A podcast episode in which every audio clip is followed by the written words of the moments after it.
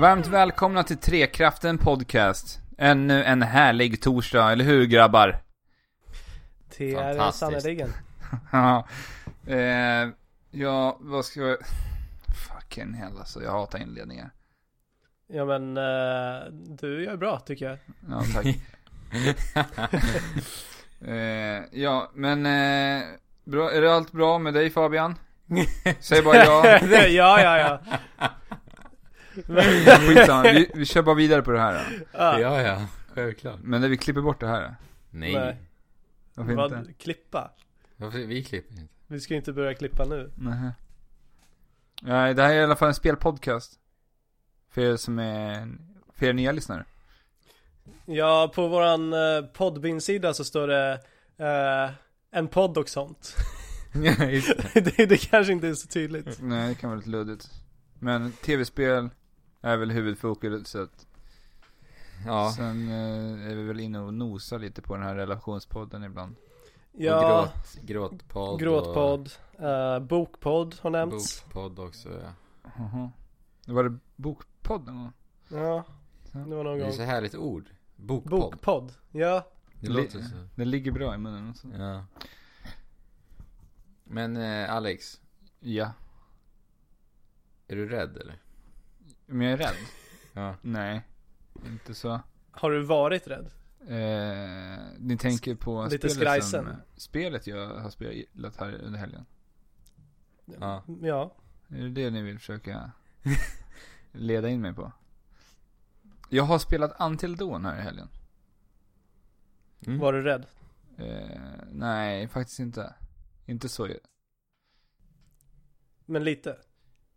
Nej, inte direkt faktiskt. Va? Jag var lite rädd när jag spelade. Jo, men du är ju också en liten blödig liten pojkvasker. ja, men, eh, men jag kan ju bara dra lite kort den här eh, premissen för vad Until Dawn är för slags spel.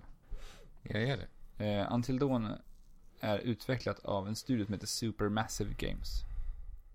vad har de gjort tidigare? Eller Jag är det kollade- första? Nej, det här är deras tredje spel och de gjorde något Move-spel och sen var det någonting annat åt eh, Playstation. Så att Jag måste säga, väldigt imponerande för att det här spelet är otroligt snyggt och det är kul att se att liksom en studio som är så pass ung kunna leverera ett så här otroligt snyggt spel som faktiskt Until Dawn är.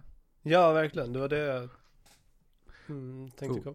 Men annars så är det ju liksom en, som en eh, interaktiv film. På samma sätt som eh, Heavy Rain var en gång i tiden. När det, först, när det begav sig. Skillnaden med det här spelet är väl att det har sett, det är satt i en eh, slasherfilmskontext. Mm. Och det har ju det här uh, klyschiga upplägget att det är ett gäng ungdomar som ska bege sig till en stuga. Och För att knarka och eh, nuppa. Ja, ja, men det roliga är att de visar ju inte, eller det, det, det verkar ju som, i spelet så är det ju så att de åker dit för att knulla, det är det de gör. Ja. De har ingen alkohol med sig, man får aldrig se dem dricka alkohol och sånt. Så att de åker Ja, men- upp till den här ja. stugan för att knulla med varandra. ja. Lyckas de med. Eh, ja, Det kanske är spoiler. Till, nästan till. Ja, det, det märks ju ganska tidigt. Det är ju en av de första uppdragen i spelet faktiskt. Man ska Sen gå och för bege sig. rädda för att, sen är de för rädda för att knulla. Men eh, det är ju ett spel som är väldigt mycket quick time events i. Och eh, inte alls speciellt mycket gameplay Nej. räknar med egentligen. Som vi har pratat om tidigare, de här spelen man kan liksom walking simulators som vi pratade om. Det. Jag får, jag får lite tankarna till det. För att man, man rör sig runt väldigt långsamt och plockar upp grejer och lär sig lite om eh, världen. På objekt och sånt, sånt man hittar kring Ja. spelets gång. Jo men alltså det var hittar inte ju- riktigt Det var inte riktigt kul att spela utan det, det var ju det är bara atmosfären och alla jump scares som Fast jag tycker att det är ganska roligt, för det, det, är nämligen så att man, man hittar ju ledtrådar ute under spelets gång, utplacerade. Ja, Och det finns tre olika mysterier, nej tre stycken mysterier som du kan lösa. Det är en som är för, för de här försvunna, vad heter det, tvillingarna som försvann ett år Ja. innan spelet eh, sätts igång. Ja. Och sen är det omkring den här äh, platsen. Hur, historiskt, vad som har hänt liksom sen 50-talet. Ja, Som det är någon indiangravplats eller Ja, och sen sånt, har det, eller hederplats. sen har det varit någon gruvarbete, gruvarbetare som har eh, arbetat på samma plats. Och sen har du även den tredje där det ska klura ut vem The Mystery Man är. Mm. Och det här tycker Som- jag är ganska kul för att eh, när man kommer längre i spelet så samlar man på sig så kan man liksom sitta, det blir liksom ett, ett litet extra spel i, i spelet. Att man sitter Mm. och försöker pussla ihop alla pusselbitar. Ja, ja. Och försöka få ihop det till någonting, någon historia som man faktiskt kan eh, reda ut på ett sätt. Så du känner lite som en detektiv i, Jajamän! mi- mitt i allt mördande och Jajamän! springande och skrikande Ja. och nuppande. Ja. Men eh, jag är jätte, jätte, jättenöjd med det här spelet. Jag, jag har väl sett fram emot det här. Sen jag fick reda på vad det här spelet skulle, hur det skulle spela sig. Att det skulle vara det här Heavy Rain satt i en skräckfilmskontext. Så jag har hela tiden Ja, det- varit otroligt peppad på det just för att man kan göra de här valen som man annars stör sig otroligt mycket på i skräckfilmen när man tar dumma beslut. Känner du att du har tagit många dumma beslut nu så här i retrospekt? På den fronten så tyckte jag att det faktiskt vart Det var inte så många val Som fanns som eh, Fungerade, eller På det sättet som jag hade hoppats på Utan det var Nej. väldigt sådär Mycket förutbestämda grejer man, Så att Jag vet inte om jag kände att det kunde påverka så jättemycket just I de grejerna Men Nej. det, det blir så stort och det är Så- så svårt samtidigt Att försöka få in Allt det här man själv tänker på Men grejen är att jag tyckte att karaktärerna är ju så otroligt dumma som de ska vara i, en, Mm. i den här kontexten. Men Ja, alltså man, jag, vi har- jag har inte kommit så långt så att jag kommit till en sån, ett sånt val där jag kan hoppa ut i fönstret eller lägga mig under sängen. Men det känns som att karaktärerna är ändå så korkade så att det spelar ingen roll. Fast Nej. alltså d- lite utmaningen i det här spelet är ju att försöka rädda allihopa. Är det inte så? Jo, Jo, För du kan ju inte få olika du, Man kan ju lyckas få alla de här åtta Som överlever i slutet och det är väl lite Mm. det som Ju fler man får det så lyckligare slut blir det liksom och det ska finnas massvis utav olika slut ja, Till det är häftigt, också. riktigt häftigt alltså. Tycker du att det har, något omspelningsvärde eller? Jag har redan satt igång en andra omspelning Ja, ja. faktiskt Så att eh, absolut, det tycker jag Men sen är det också så här, Det här är en sak som blir möjligt när man har tagit sig en bit fram i spelet Då kan man spela om tidigare episoder För det här spelet är uppbyggt på, sån, på så sätt som att man har använt sig av den här fjärilseffekten Mm. Så att du kan liksom backa till de här avgörande valen Tweaka lite i historien Och sen kan du hoppa fram någon episod så ska det här kunna liksom ha förändrats och tagit en helt annan vändning Jaha. Jaha. Så, Så att du måste inte memorisera alla val som är det rätta valet och så vidare. Nej, alltså man, spelet. du har ju en, eh, en, som en karta du kan Ja. trycka upp där du kan se alla de här fjärilseffektvalerna. Så du kan se vart du ska bege dig om du vill, det är någonting du vill ändra. Men för, förstör inte det lite syftet med det här spelet? Mm, nej, det tycker jag faktiskt inte. Jag tycker att det är, För då spelar det ju i slutändan ingen roll riktigt vad du gör. För du kan ju ändå gå tillbaka och ändra det sen. Ja. ja men du har ju fortfarande en autosave förmåga, för, för, vet du det, autosave, Funktion. ja precis som, det gör att, så fort du har gjort ett val så sparas det. Och det här, den här funktionen får du ju när du har klarat av spelet tror jag. Ja okej. Så jag tror att eh, det, du måste spela så pass långt ändå. Och jag menar, sätta sig och spela om ett spel där upplägget i stort sett kommer vara exakt likadant. Med Mm. mindre små ändringar. Kanske inte är jättemotiverande. Och då tycker jag att Nej. det är jättebra att det finns en funktion där man kan hoppa tillbaka till de faktiskt avgörande Jo. valen och bara tweaka historien lite grann. Jo men precis. Men det, det är ju en sak om du får det när du har klarat ut spelet för första gången liksom. Mm. Men Och Fabian, en sak om du skulle få det. Ja. vi spelade ju det här i två timmar ungefär. Nej, en, en och en halv. Vad tyckte du? Om den en och en halv timme? Men alltså det, det hann ju inte hända så överdrivet mycket. Nej. Eh, men ja och alla val var ju bara så här dumma eh, Jag vet inte, dialogval typ.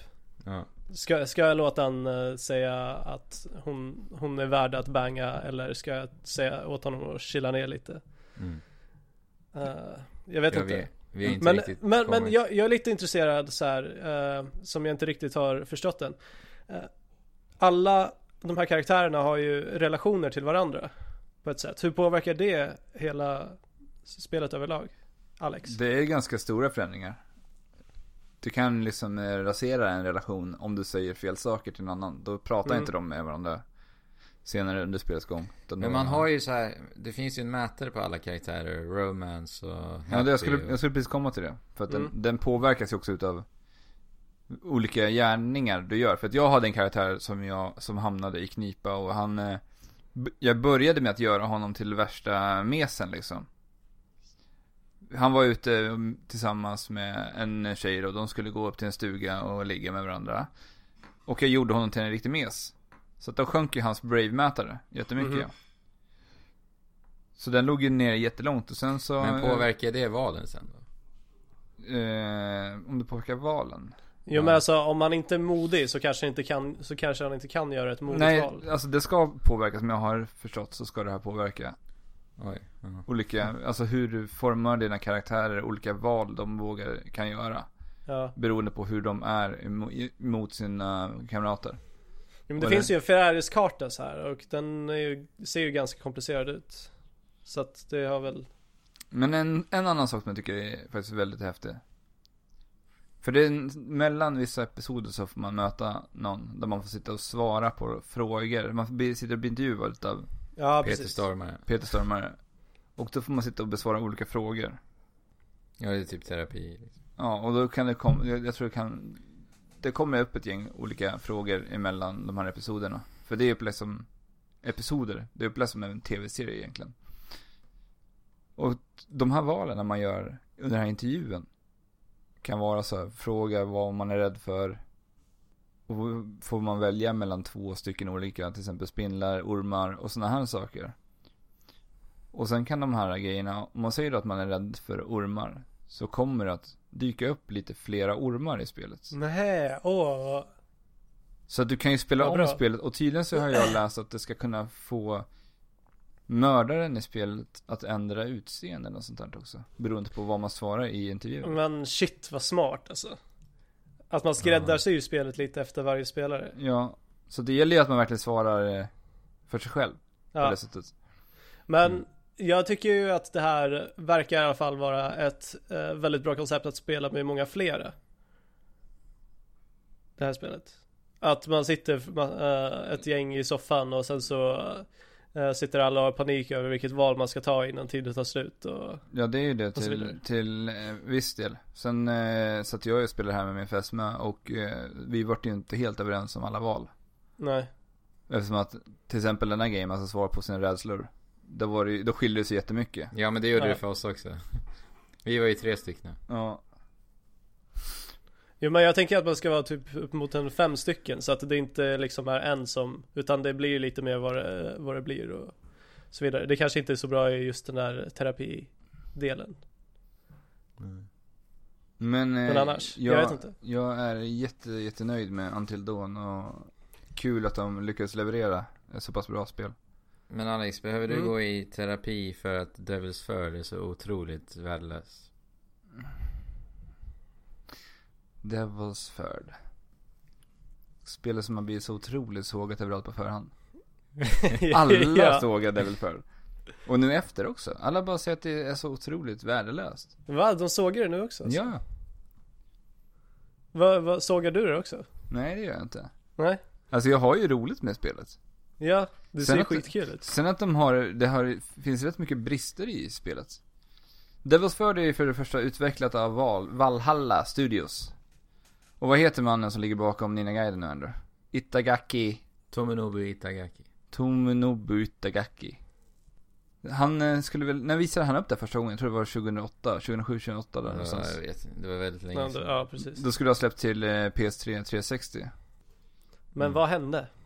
Ehm, som jag förstått det så var det en massa strul med utvecklingen och de bytte grafikmotor och började göra om spelet och det var helt kaos med allt. Men sen så kommer ju Nintendo där va och säger Vi plockar upp ert spel, det är blodigt, det är eh, 18 plus. eh, Vi behöver lite sånt. Ja. Så nu släpp, har det släppts till Wii U då. Mm. Men, Så kommer ett multiplayer-läge på dator sen också. som ska vara free to play. Ja.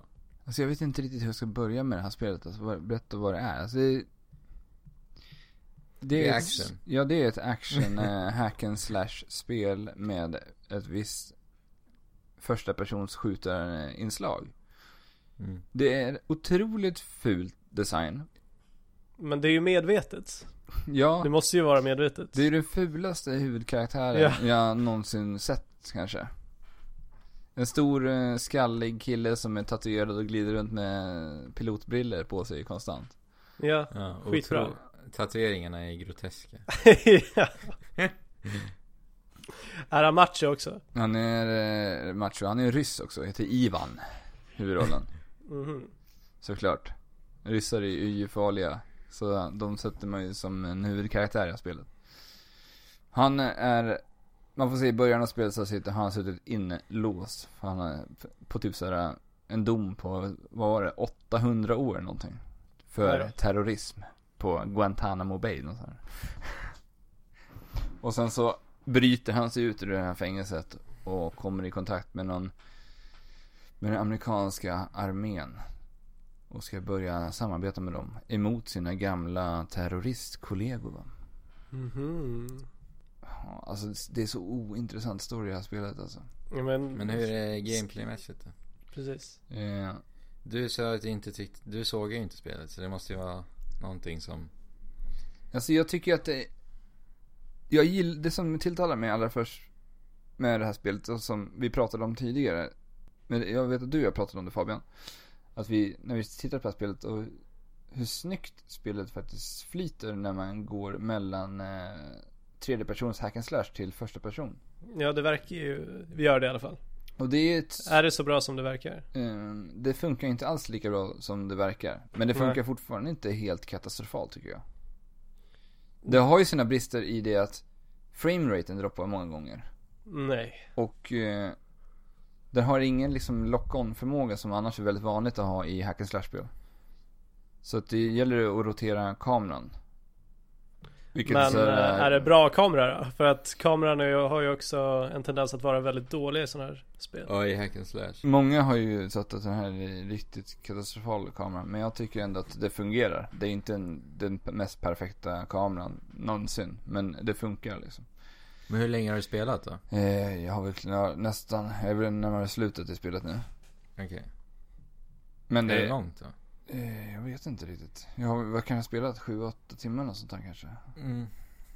Har några bossar kvar. Vad jag vet i alla fall. Ja. Ja, det är boss fighter också.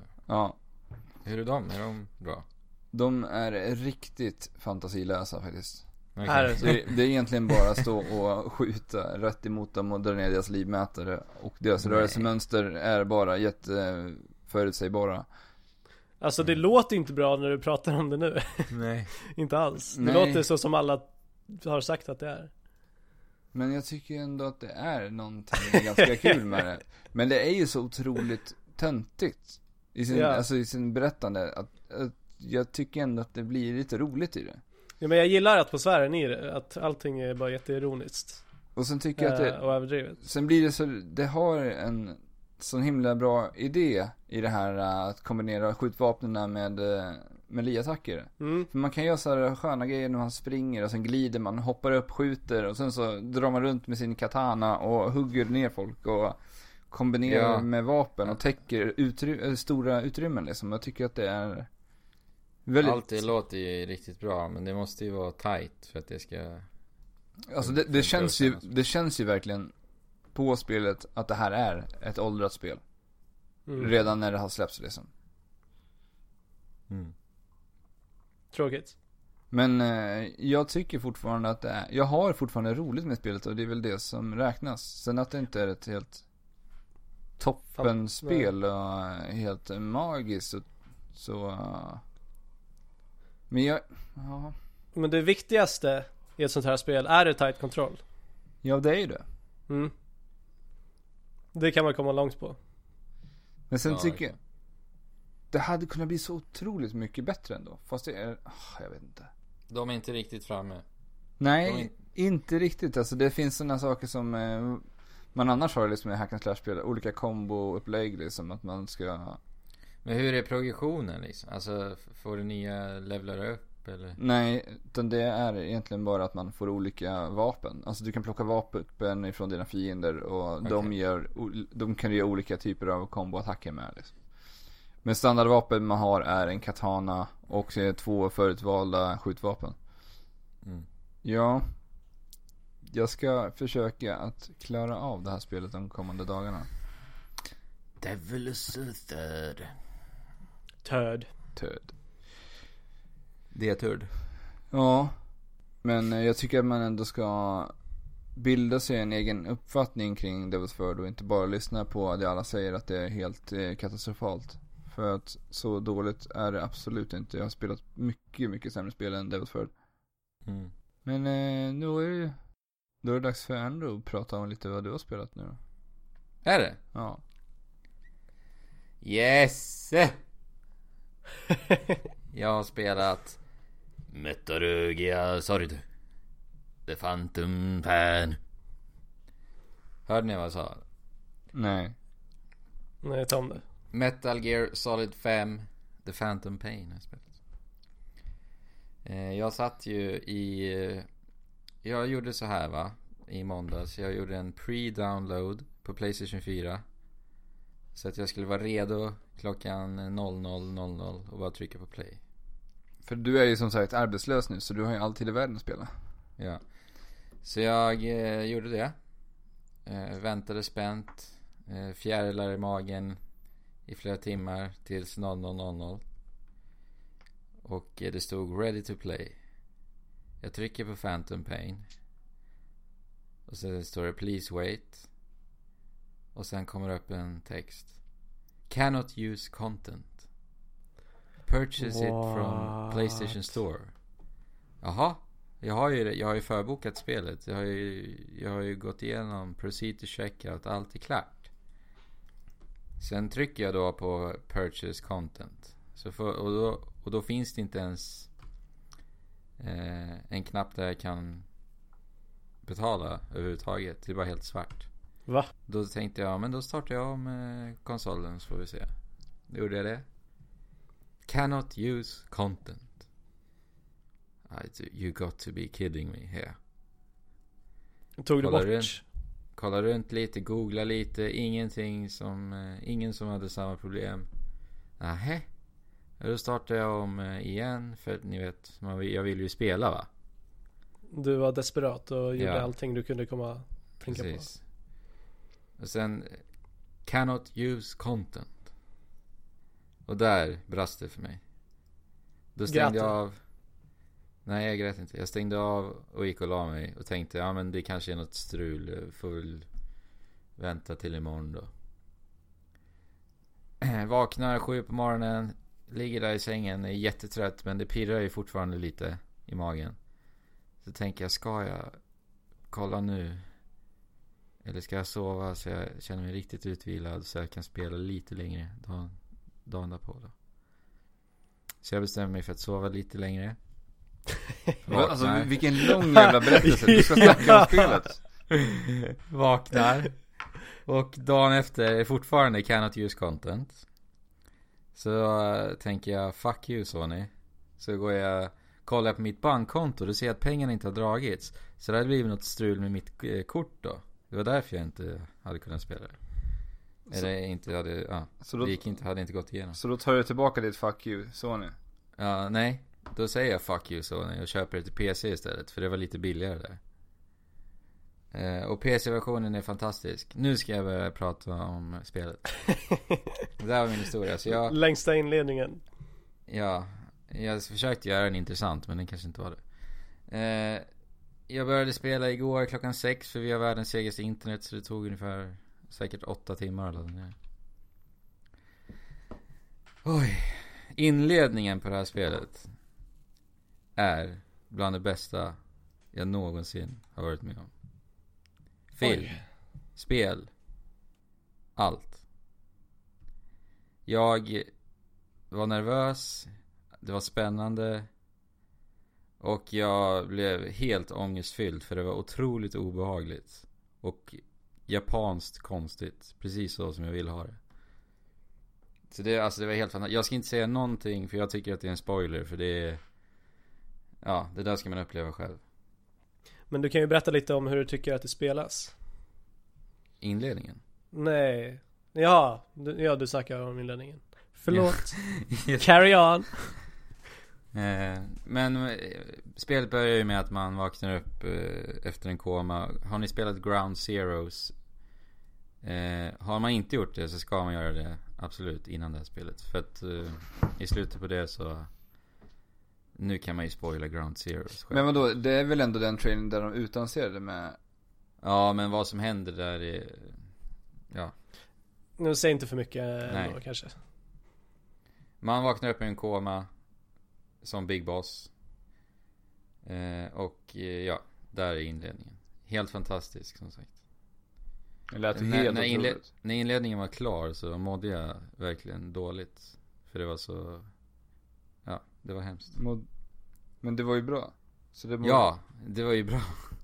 Mm, De, de lyckades eh, verkligen få dig att må dåligt. Ja. Okej, och eh, det första som slår mig med det här spelet. Jag har ju inte spelat Peace Walker. För jag, det är många som jämför det här med Peace Walker. Och jag älskar Metal Gear-serien. Jag har spelat alla. Utom Peace Walker och NES-spelen. Och det första som slår mig är att det inte känns som ett Metal Gear Solid-spel. Oj. Eh, och det är just det här att Metal Gear Solid-spel för mig är en, en linjär väg och det är bossar. Och bossarna är, i Metal Gear-spel är ju bland de bästa bossarna i hela spelvärlden, tycker jag. Så det är ju någonting jag alltid ser fram emot med Metal Gear Solid-spel, just bossfighterna. Jag har spelat nu i 11 timmar och har inte mött en enda boss i Phantom Pain. Och eh, linjärt är det absolut inte. Det har ju varit lite deras eh, nya tappning att det ska vara open world. Som alla spelar då. Och sen eh, är det inte alls lika mycket cutscenes. Det är inte lika mycket berättande. För, första eh, inledningen var ju väldigt Väldigt mycket berättande men efter det har jag haft en cutscene e, efter, efter de här 11 timmarna. Så det var en omställning. Sa du att det var en cutscene alltså bara? Ja, Till skillnad från typ MGS4 som var jättekritiserad när, för att det var som en enda stor långfilm. mm, vilket jag älskade men ja. Så, men. I början så kändes, var jag lite, nästan lite besviken på det. Men jag har ändrat min inställning, inställning och tänker mig det här spelet som något helt annat. Jag jämför inte det med, med de tidigare spelen. Vad jämför du med då? Istället? Jag tänker om du har eh, Om du jämför Nej, med alltså jag andra open world-spel liksom. Jag har inte hunnit riktigt jämföra. Jag ser det bara för vad det är just nu när jag spelar det. Men jag kommer ihåg när de visade att det här skulle vara ett eh, open world-spel så vart ju du lite orolig Ja. i början. Just för att man ska ta en helt ny vändning med Mm, men precis. Ja men som sagt det känns ju så annorlunda och det är annorlunda. Men det är ju väldigt så här. Ja, spelet är, man har en bas som heter Mother Race. Eh, och det är ditt hem kan man säga. Och sedan åker du ut med helikopter på uppdrag. Så det är uppdragsbaserat. Och uppdragen eh, antar du då i en stor öppen värld. Och världen är ju väldigt stor. Jag, bara, jag just nu är jag bara, är jag bara i Afghanistan. Eh, och sen när du är då i världen så kan du anta olika uppdrag. Och det är ju som sagt open world så att du kommer till Vi säger uppdragen är oftast eh, Att man ska in i, i en fiendebas och hämta en gisslan till exempel. Och då, det som de gör så snyggt är att Du får det uppdraget. Sen säger de ingenting mer.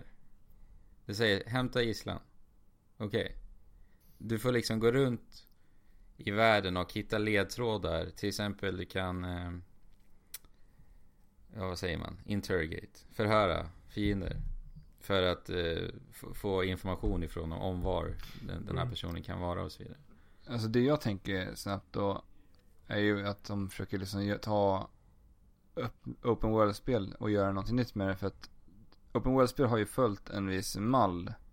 Ja, ända verkligen. sedan egentligen eh, GTA 3. Ja. Att det här man går till pricken på kartan. får ett uppdrag, går till nästa prick. Mm. Ja, alltså så är det ju inte riktigt. Och du har ingen minimap heller, vilket jag älskar. Det finns ingen svårighetsgrad heller, det gillar jag också. Men ja, det känns som att spelet förväntar sig att du ska liksom vara en relativt intelligent spelare. Om ni förstår vad jag menar. Mm. Ja, eller vadå? Jag, jag tänker lite hur e- Eftersom att Metal Gear Solid är väldigt eh, fokuserat på sneaking och Mm. stealth. Hur får de, eller hur, hur får de dig att vilja sneaka i det här spelet och inte bara gå in och Alltså det måste, mörsa? du måste inte göra det. Eh, Men till exempel, jag hade ett uppdrag idag. Eh, Då skulle jag eh, antingen då döda eller fånga eh, tre soldater som skulle ha ett hemligt möte. Och jag har ju bara kört sneaking hela tiden i det här spelet. Men just i det här uppdraget så blev jag upptäckt så tänkte jag, ja men jag vill prova på lite hur det är att att go guns blazing. Så då gjorde jag det. Och då dödade jag alla tre, de här som skulle ha mötet. Sen när uppdraget var Oj. klart. Då fick jag ett samtal av Ocelot. Och då säger han. Ja, bra att du klarade det, men. Eh, undrar vad de egentligen skulle säga på det där mötet. Ja, ja, vi får väl aldrig veta det, antar jag. så att hade jag Ja. fångat dem. Så hade vi förmodligen då fått information om det här mötet. Och det jag gillar också så mycket i det här spelet är att det finns aldrig en en liksom game over-skärm. Alltså allt, den enda game over-skärmen som finns är när du dör. Som vad jag har varit med om hittills i alla fall. Så till exempel, det blev inte game over där utan det fortsätter bara. Så hade jag fått den informationen så hade jag antagligen, jag vet inte vad jag hade kunnat fått men säkert. Men vadå, är det så i alla main quests? Så för mig hittills ja. Har jag varit. Att så som det blir, det är så det blir? Ja. Men det känns, jag, Fantastic. jag tycker att det känns som en ganska naturlig eh, väg för moderna spel att ta sig ändå.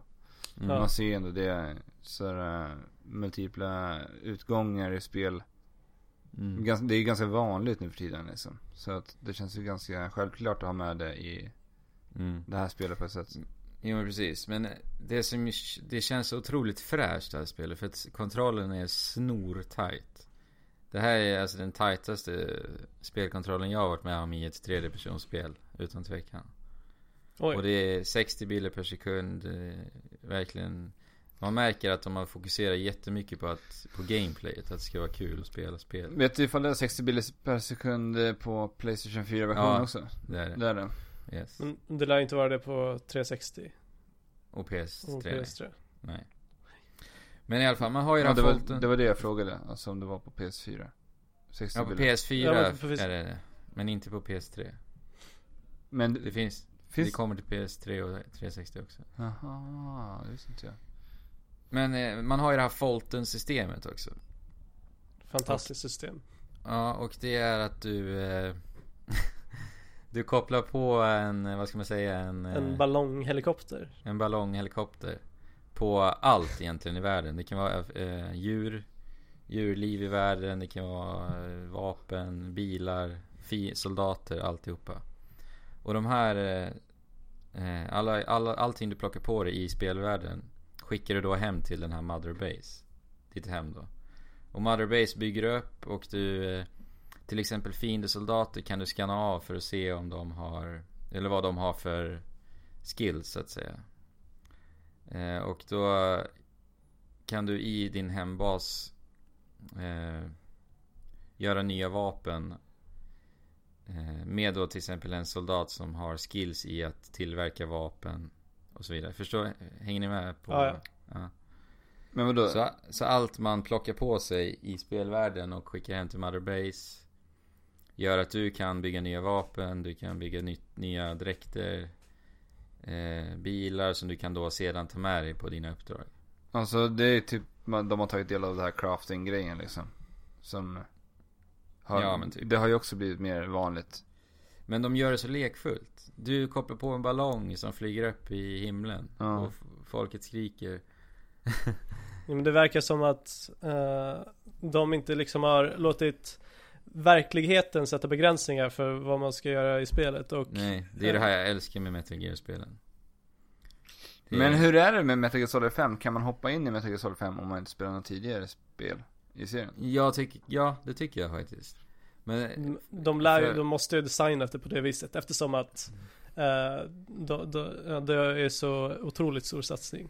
ja men storyn är ganska, alltså för om man är ny spelare så är storyn ganska lättförståelig ändå. Det är, det är en hämndhistoria helt enkelt.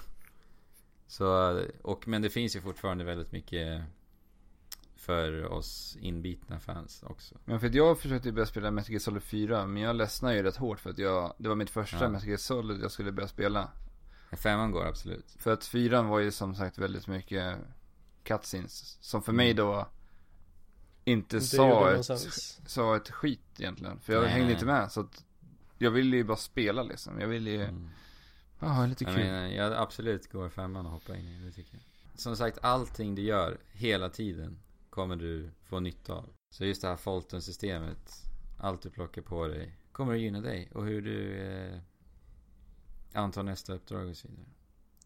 Men eh, ska vi, Men jag- vill du säga något mer om det? Ja, jag vill bara berätta om det som är så häftigt i och med att det är open world och allt jag har berättat så det känns som att Ja men ni tänker er till exempel Call of Duty-spel.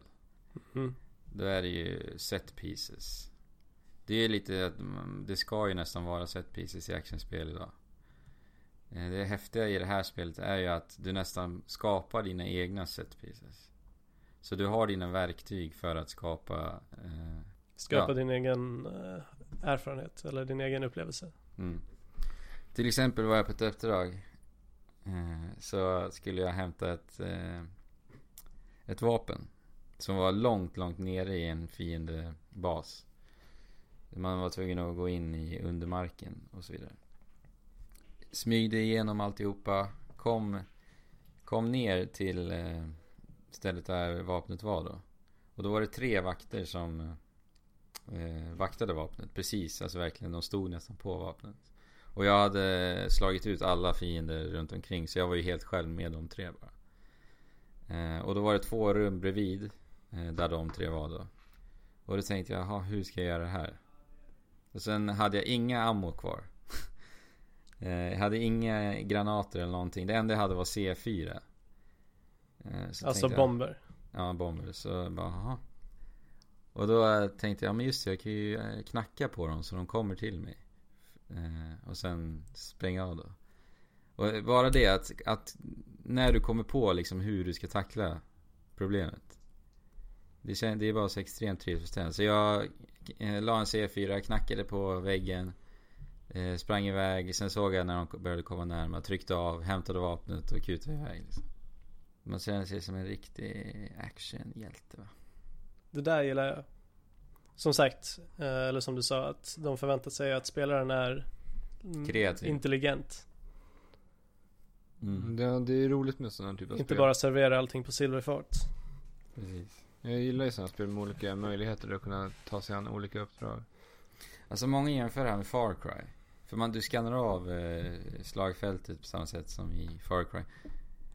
Eh, men det är så otroligt mycket roligare det här spelet. Just för att det uppmanar dig till att smyga. Och jag älskar ju stealth-spel i och för sig. men ja, nej, det är fan, jag tycker det är jättebra hittills. Ja, Jag gillar den här kontexten mer än vad jag gillar Far Cry. Ja, det också. Eh, och det känns, ja jag vet inte. Det känns bara rent spontant mer polerat också. Ja, ja. Det är otroligt ambitiöst. Så Kojima. att, så att de här slavarna som har slavat iväg för att det här ska bli färdigställt. Är det Ja, värt det? Ja, ja, verkligen. Det här är... tycker, tycker du det är värt det? Nej, det tycker jag inte. Men eh, du kanske vill återkomma med din slutgiltiga dom nästa vecka? När du Ja. har klarat av spelet. Kojima avslutar med flaggan i topp eller? Ja. Med hakan höll Efter 11 timmar. högt. Efter. Eh, Hur stor, eh, hur stort ska det vara? I timmar eller? Ja, Eh, någon typ, uppskattning. jag vet inte. Jag har Är ingen på aning. 100 Du- du- timmar du sa väl eller 40 timmar 50 med, eller? timmar eller? Ja men, ja det är väl runt 40 timmar main quest har jag hört. Ja. Får väl se. Ja, men det var väl det för den här veckan då. Ja, jag har ju varit kass och inte spelat någonting. Även fast jag hade tänkt spela en hel del. Säg inte att du är dålig Fabian. Men nu går vi till nyheterna. Veckans nyheter. Då är det det har vi redan sagt. Ja, fast innan den där lilla trudelutten sa vi nyheter. Jag, jag försökte komma in i att jag skulle vara ett nyhets, nyhetsankare och sitta vid en panel. Men nej. Här ska vi inte upprepa oss. Nej. Armika är bekräftad för Street Fighter 5. Jag är inte så insatt i Street Fighter, så att, vad har ni för kommentarer om det? Eh, Str- Armika är en karaktär som var med i något Street Fighter Alpha för länge sedan. Som är Men Five. Ja, just det. Ja. Det är därifrån. så, och hon är väl egentligen en kvinnlig version utav Elförete som var med, som var ny för Street Fighter 4. Det är hon i blå. Ja, Ja men Fibbe, vi kollade ju på den här. Du hade ju Ja. jättemycket att säga. någon sån här luchador karaktär. Va, vad sa jag då när vi kollade på det? Ja, att det var hemskt. Hon- Det såg ju hemskt ut och karaktären verkade vara väldigt ointressant. Ja. Det var jätteintressant. ja men usch alltså. Vilken karaktär. Jag tycker att eh, hennes eh, rörsystem ser väldigt intressant ut i alla fall. Ja men designen är bedrövlig. Jag tycker inte hon passar in för F1 Ja, det. milligram. Ett milligram. Ett milligram vad då? Eh, jag vet inte. Nej. Nej men hon var så riktigt tråkig ut tycker jag. Skit i det. Nästa. Eh, Tim Schafer kommer tillbaka. Mm. Är, det, är det Tim Schafer som är med här då? Så att du inte bara säger det. Det vet jag faktiskt inte men dub, det är Double Fine som har utannonserat ett nytt spel som heter Headlander. Ja, har ni kollat upp det? Huvudlandare. Nej, det har jag inte sett. Ja, jag har sett lite bilder bara. Okej, jag har kollat på en trailer. Eh, det Hur verkar det då? Är det Tim Schafer? Vet du det? Ingen aning. Man är ett du? ansikte, eller ett huvud. Man är ett huvud Som ska landa på saker. Som ska landa på kroppar. Så du åker du runt med huvudet. så du åker runt med, hu- med huvudet. Eh, det är 2D. Tänker 2D så flyger du runt med ett huvud. Och sen landar du på kroppar. Sen verkar det vara någon 2D shooter. När du är på en kropp. Men då ska man placera huvudet på eh, halsen då? då och pussla ihop människan då eller? Ja, ja, jag vet inte. Man får väl se lite. ja men de flyger runt på kroppar och skjuter i trailern. Jag vet inte, det såg väl lite flippat ut. Inte jätteintressant design tycker jag. Nej. Headlander. Men- lite eh, dåligt av er att ni inte hade kollat upp det. Men eh, ja, vi är ju ganska dåligt, dåliga på att förbereda oss. Ibland. Men vi får ju se. Double Vi är Fine, inte dåliga eh, på ett skit. Nej, nej. Ta det lugnt Alex. Det var ett skoj. Det var ett Ja. skämt. Det var inte ett skämt. Shovel Knight blir Amiibo. Alex, är du pepp eller? Ja, så inåt bomben. Varför? För att med den här Amiibon Ja, så kommer du kunna lagra dina custom shovel knights.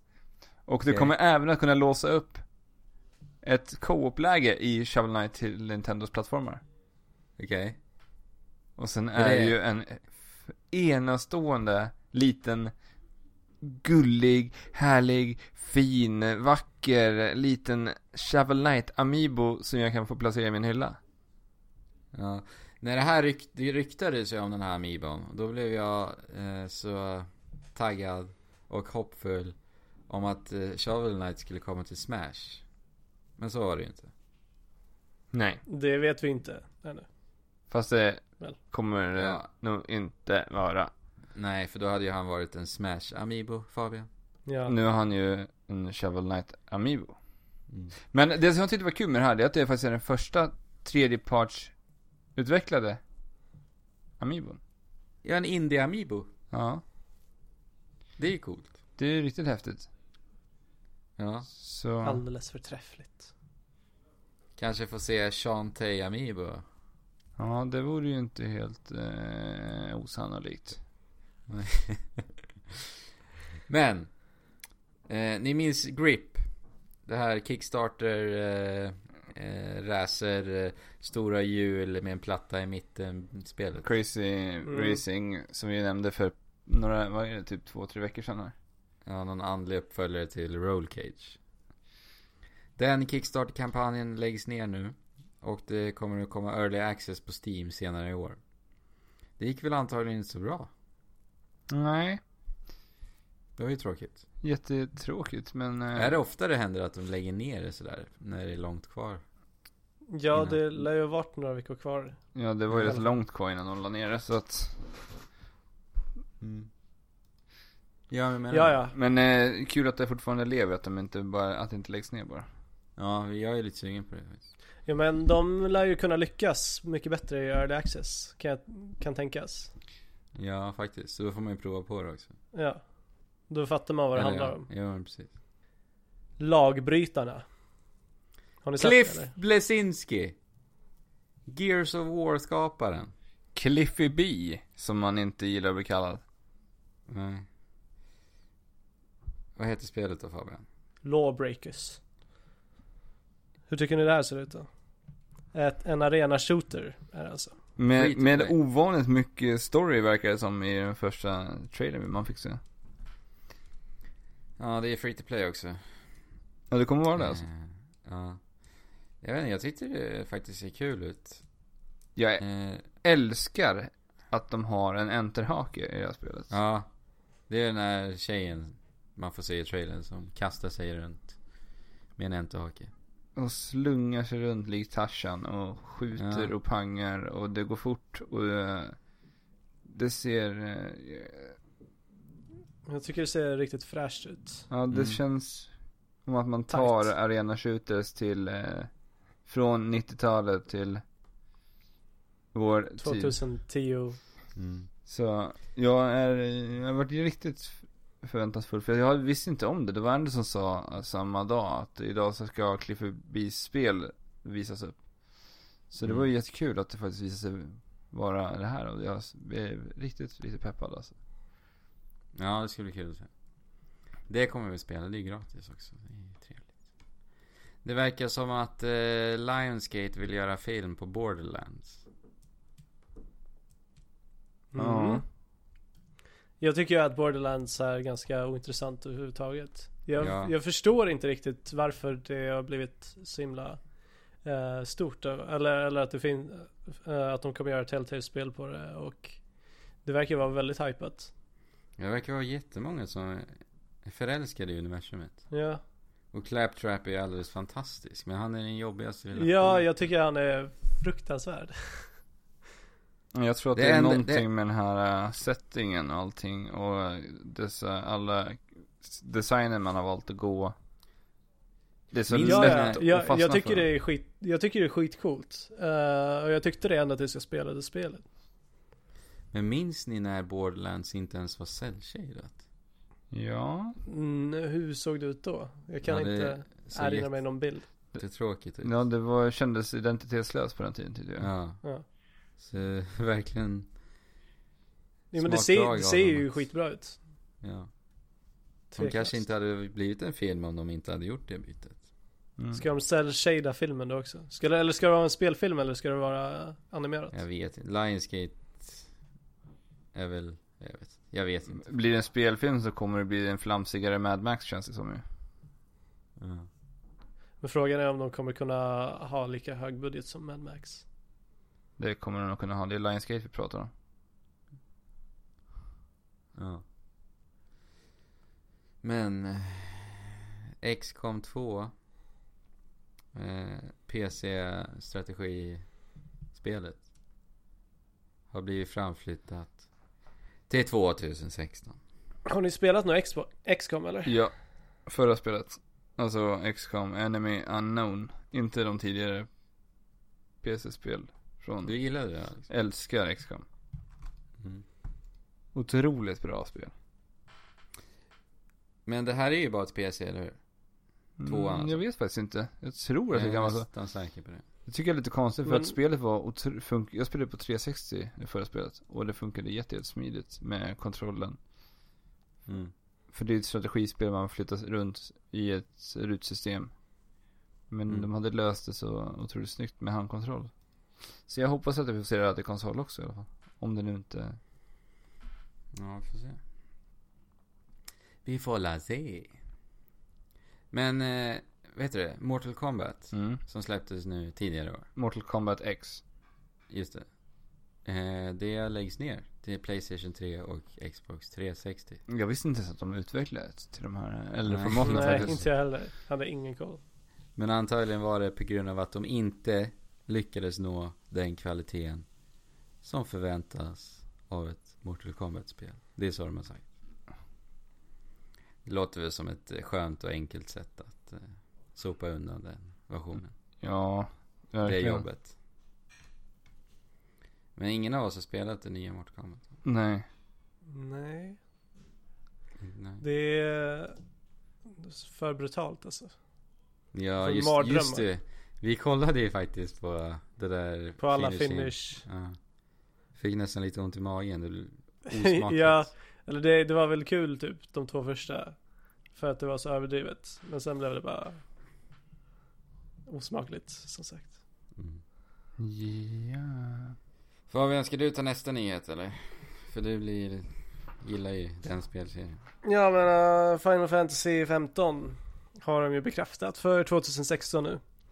Uh, vi har väntat på det här spelet sedan 2007 eller 8 Men var En- visst var det det här som var 13 eh, Ver- versus 13 Ja. som, Men i och med att det nu De- är bekräftat för 2016, då kommer det ju alltså släppas Ja 2017. men precis, de, de har ju visat hur mycket som helst nu så att nu eh, Så vi kan ju säga 2017. Ja men det, kom, det kommer ju komma Det är ju, det är ju på väg 2017 Eh, ja. vi, Ja, men det här spelet De ska, de ska komma med mer information nu nästa mars Mm. 2016 Jag såg en ny liten mini-trailer när de åkte runt i en bil. Ah. Har ni sett den? Ja Alltså, Ja, jag vä- vet inte hur de världen- ska Världen ser ju otroligt fin. Den ser helt otroligt fantastiskt vacker ut Ja. Men jag vet inte Jag hoppas att de löser det på ett smidigt sätt Så att man inte bara behöver åka runt överallt Men att det ändå känns eh, Som att du inte fast travelar överallt ja. ändå jag hoppas För det ser ju skitmysigt ut att bara hoppa ur bilen och kolla på lite Delfinmonster. delfinkrokodiler nere vid Ja. Jag hoppas att de löser designen på eh, de här grabbarna. ja, det är så grotesk design på karaktärerna. Men det är ju Så intetsägande. Det är ju han uh, Square Enix designen Vad heter han? Andrew Eh, jag har ingen koll. Jag är ingen squarare. Square. Jag tappar Det är fan du som ska kunna det där Fabian. Mm. Det blir bakläxa. Hem och plugga. Uncharted 4 får Yes! släppsdatum 18 mars 2016 då, så det inte är Mycket 20... tidigare än vad jag trodde. Ja. När, det, när det är så här... eh, Tetsuya Nomura Oh, bra jobbat. Bra eh, pluggat. Bakläxa. När, när de säger första kvartalet, då brukar jag ju alltid tänka mig att, Det blir ju tredje kvartalet ja. Så att eh, det var ju positivt. Det kommer ju även två specialutgåvor givetvis. Ena med Ja en eh, Nathan Drake-staty och så vidare. Och sen Naughty Dog Points av något slag Okej? som, du, som du ska kunna köpa uh, in-game saker för Och de kostar annars pengar Det är antagligen till multiplayer. Ja det är ju till multiplayer det är, det är väl lite skins och så Multiplayer verkar vara rätt uppskattad i Uncharted-spel. Jag har aldrig engagerat mig i det Nej, inte jag heller. Jag tycker Alls. inte att det tar Det är inte sig. så himla bra shooter Nej. Jag spelar Nej. inte, jag spelar inte Uncharted för shooter-momentet Nej, nej, nej, nej. Usch. Usch. Vad bra Apple TV med stöd för spel, skulle det vara någonting tycker ni? Nej. Nej Alltså, Alltså vadå, vi har ju våra telefoner och våra pads ja. Ja, För de kommer inte satsa på AAA-spel givetvis. Nej. Men det ryktas ju om att den nästa Apple TVn ska ha en App Store likt eh, iPhones och iPads har. Ja, så skulle det väl tydligen ha någon tillhörande kontroll. Ja, rörelsekänslig. Som ska fungera likt en Wimo typ. Ja. Ja. Ryktas om i alla fall. Jag är i alla fall nyfiken. Jag använder min Apple TV flitigt och jag vet att eh, kreativa människor kan hitta på väldigt spännande saker med sånt här. Och ja, det är ett billigt sätt att utveckla på också.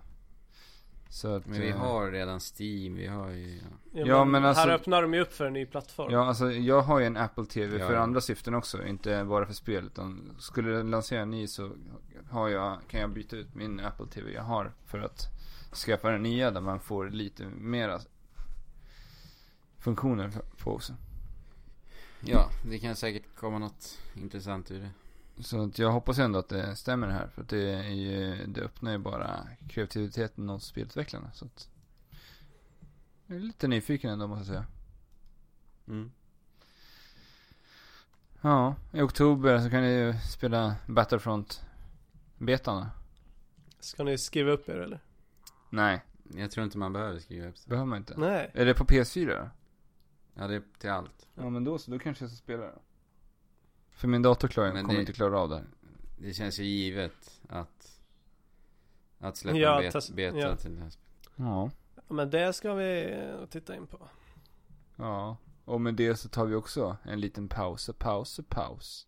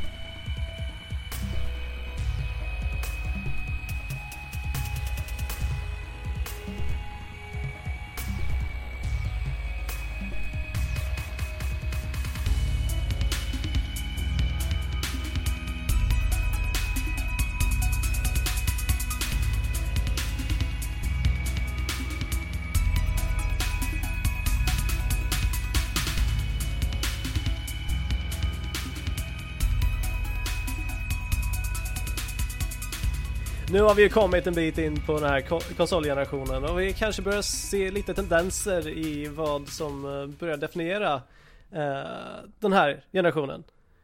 Lite som eh, som tredjepersons shooters definierade förra generationen så jag vet inte, vi har ju sett eh, kanske inte för just den här konsolgenerationen men på senare tid så har vi sett konstiga spel som Iron Bread och Goat Simulator som eh, kanske främst tack vare Pewdiepie eh, har blivit stort. Eller den typen av spel som bara är konstiga. Eh, Ja. Och sen har vi ju sett mycket open world-spel. mycket open world-spel.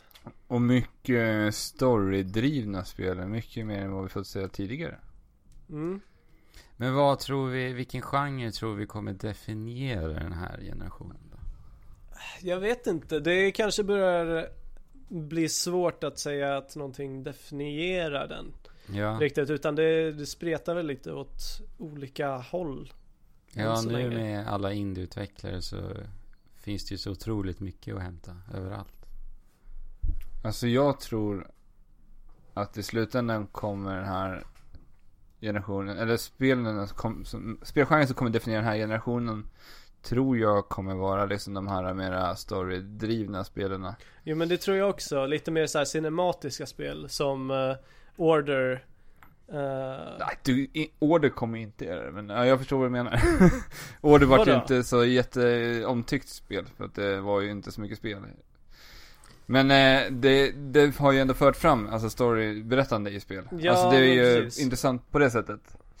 Men, Men ni vi mer ja, ni mer och eller- mer sådana linjära upplevelser, storybaserat. ja fast det började i slutet på förra generationen med Walking Dead som släpptes där. Sen har de ju liksom fler och fler börjat göra liknande spel. Och man har Ja, Det har ju sedan lett vidare till den här genren som vi har pratat om tidigare som kallas för Walking Simulator som också är ett sätt att berätta en historia på genom att gå och integrera med miljön och läsa historier Mm. på papper och allt vad det nu är. Och det känns som att den genren, eller berättandet i spel håller ju på att utvecklas något otroligt just nu. Mm. Och, att, Det är väldigt välkommet. och jag fick höra här idag faktiskt ett spel, spel som kom till iPhone för, här, för några veckor sedan som jag tyckte lät jäkligt intressant alltså. För det, det är upplagt som så att du har en sms-konversation.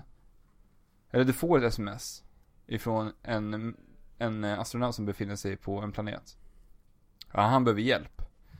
Och då ska du bara Mhm. chatta med honom. Och skriva till honom. Du Okej. har olika val på telefonen för att liksom pr- kunna kommunicera med honom. Jaha. Och på så sätt kunna hjälpa honom med sms. Så det ser ut precis som en sms-konversation. Och du ska hjälpa Oj. eller liksom ignorera honom och ta val och göra så. Och det här är ett spel som tar, jag tror det skulle ta tre dagar att spela igenom spelet. Och då får du. Shit. sms liksom hela tiden, precis som Och- Nej vad coolt. Och det låter ju jätteintressant alltså.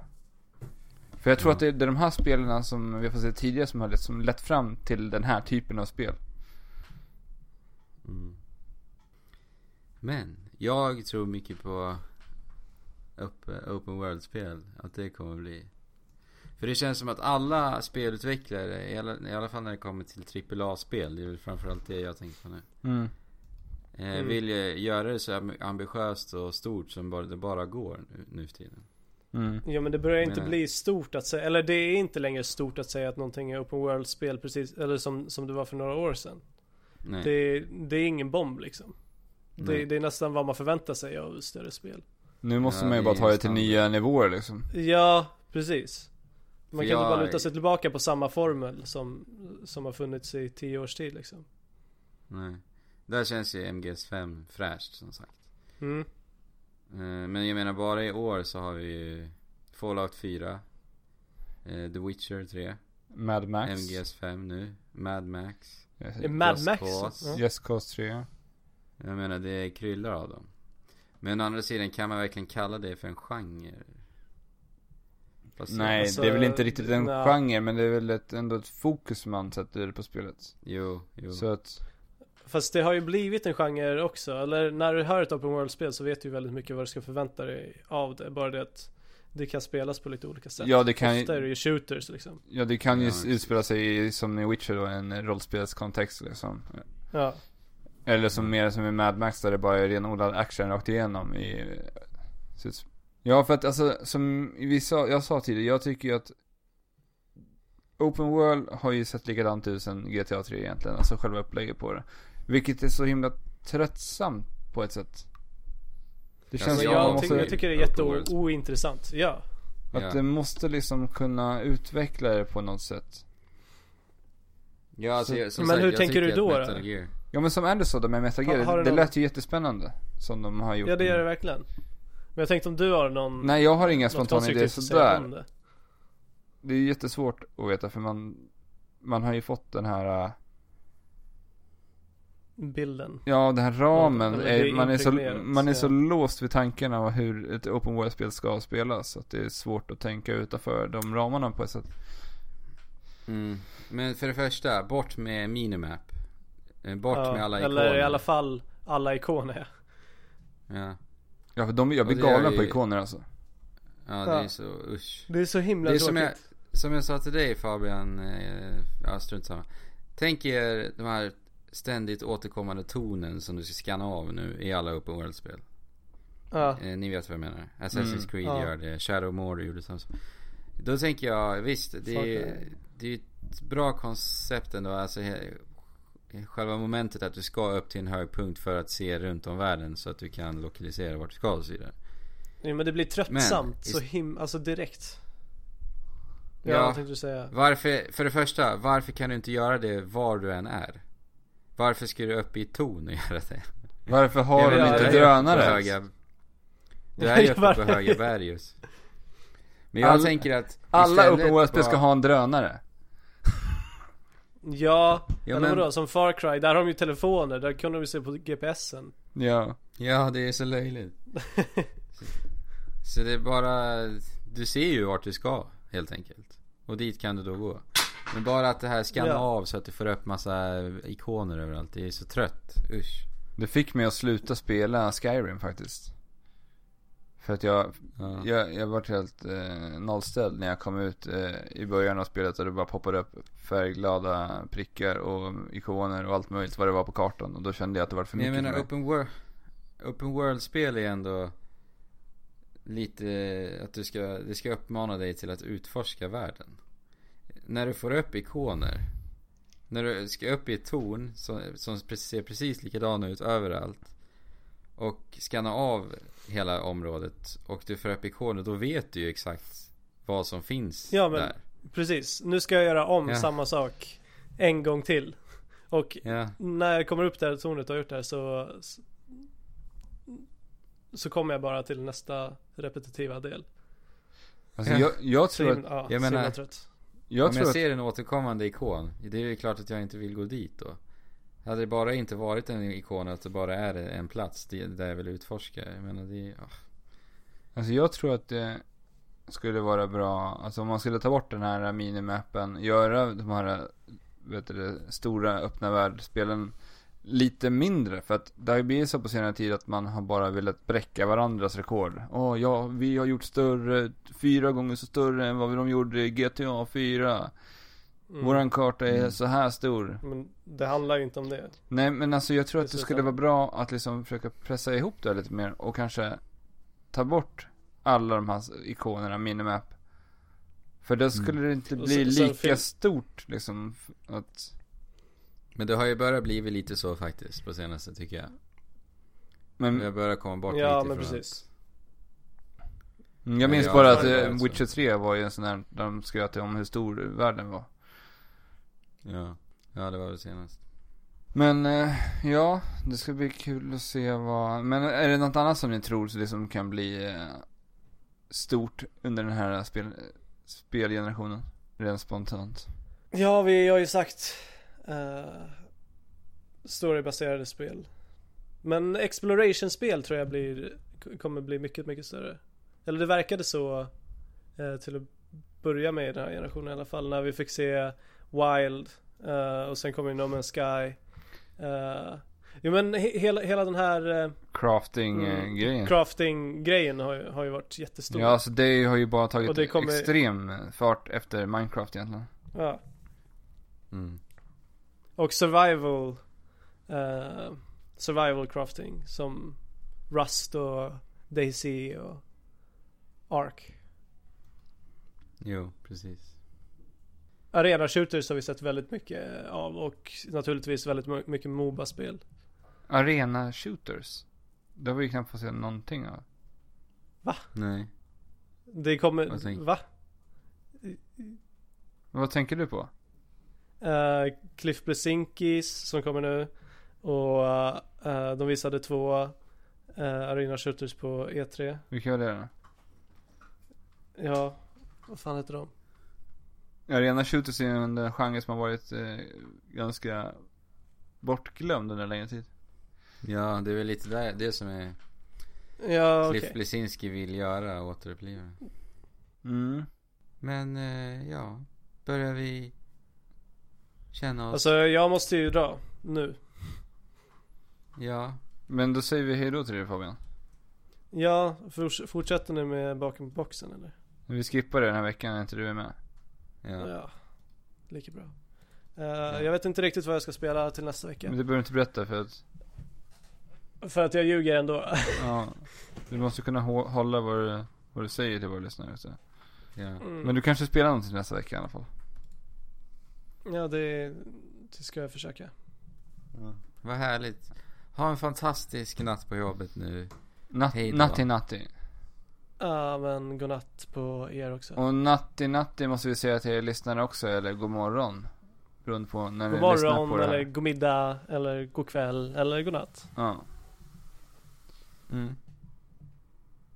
Hej då. Nu lämnar jag. Då är vi bara en tvåkraft nu då. Ja. Skönt, eller hur? Ja, Det är ganska ja. Men, eh, och, ja, Det blir ett lite kortare avsnitt den här veckan. ja. Trots att vi hade spelat mer än vad vi, gjort på länge. Eller vi har många spel att prata om. Mm, verkligen. Men Fabian har inte spelat någonting som Nej. sagt. Jag kom, jag har ju börjat spela lite Mad Max men jag känner att jag vill ta det nästa vecka istället. Jag har spelat lite mer. Ja, det har inte hunnit så Jag mycket. har spelat fyra timmar någonting sånt där. Mm. Jag kan säga så mycket som att jag är väldigt eh, nöjd än så länge. Härligt. Känns det som filmen? Eh, ja, jag, jag, det gör nog ändå det lite grann. Det var det som fick mig att köpa det här spelet faktiskt. Men filmen släpps väl på Blu-ray nu också? Ja, jag tror den kommer ganska snart också. Så de har ju Ja, tajmat vilken bra lite. film det är alltså. Ja, fantastiskt. Ja, men eh, vi eh, får väl runda av detta avsnitt denna vecka. Ska vi bara dra lite vad man kan få ta på sig då? Ja, Om ni vill höra av er till oss så kan ni mejla oss på trekraftenpodd.gmail.com Annars är det trekraftenpodd på Instagram och trekraftenpodcast på Facebook. Annars når ni oss på uh, wordpress, eh, nej jag säger trekraftenpodd.wordpress.com Och då säger vi, ja, det blir inget extra material den här veckan. Mm. För att vi tänker att det blir inte riktigt samma sak utan Fabian. även fast det är skönt att vara en tvågravs. Ja. Nej, Eller ska vi köra extra material? vad skulle det vara? Ingen aning. Nej, vi tar det nästa vecka. ja. Ha det bra gott folk. Hejdå!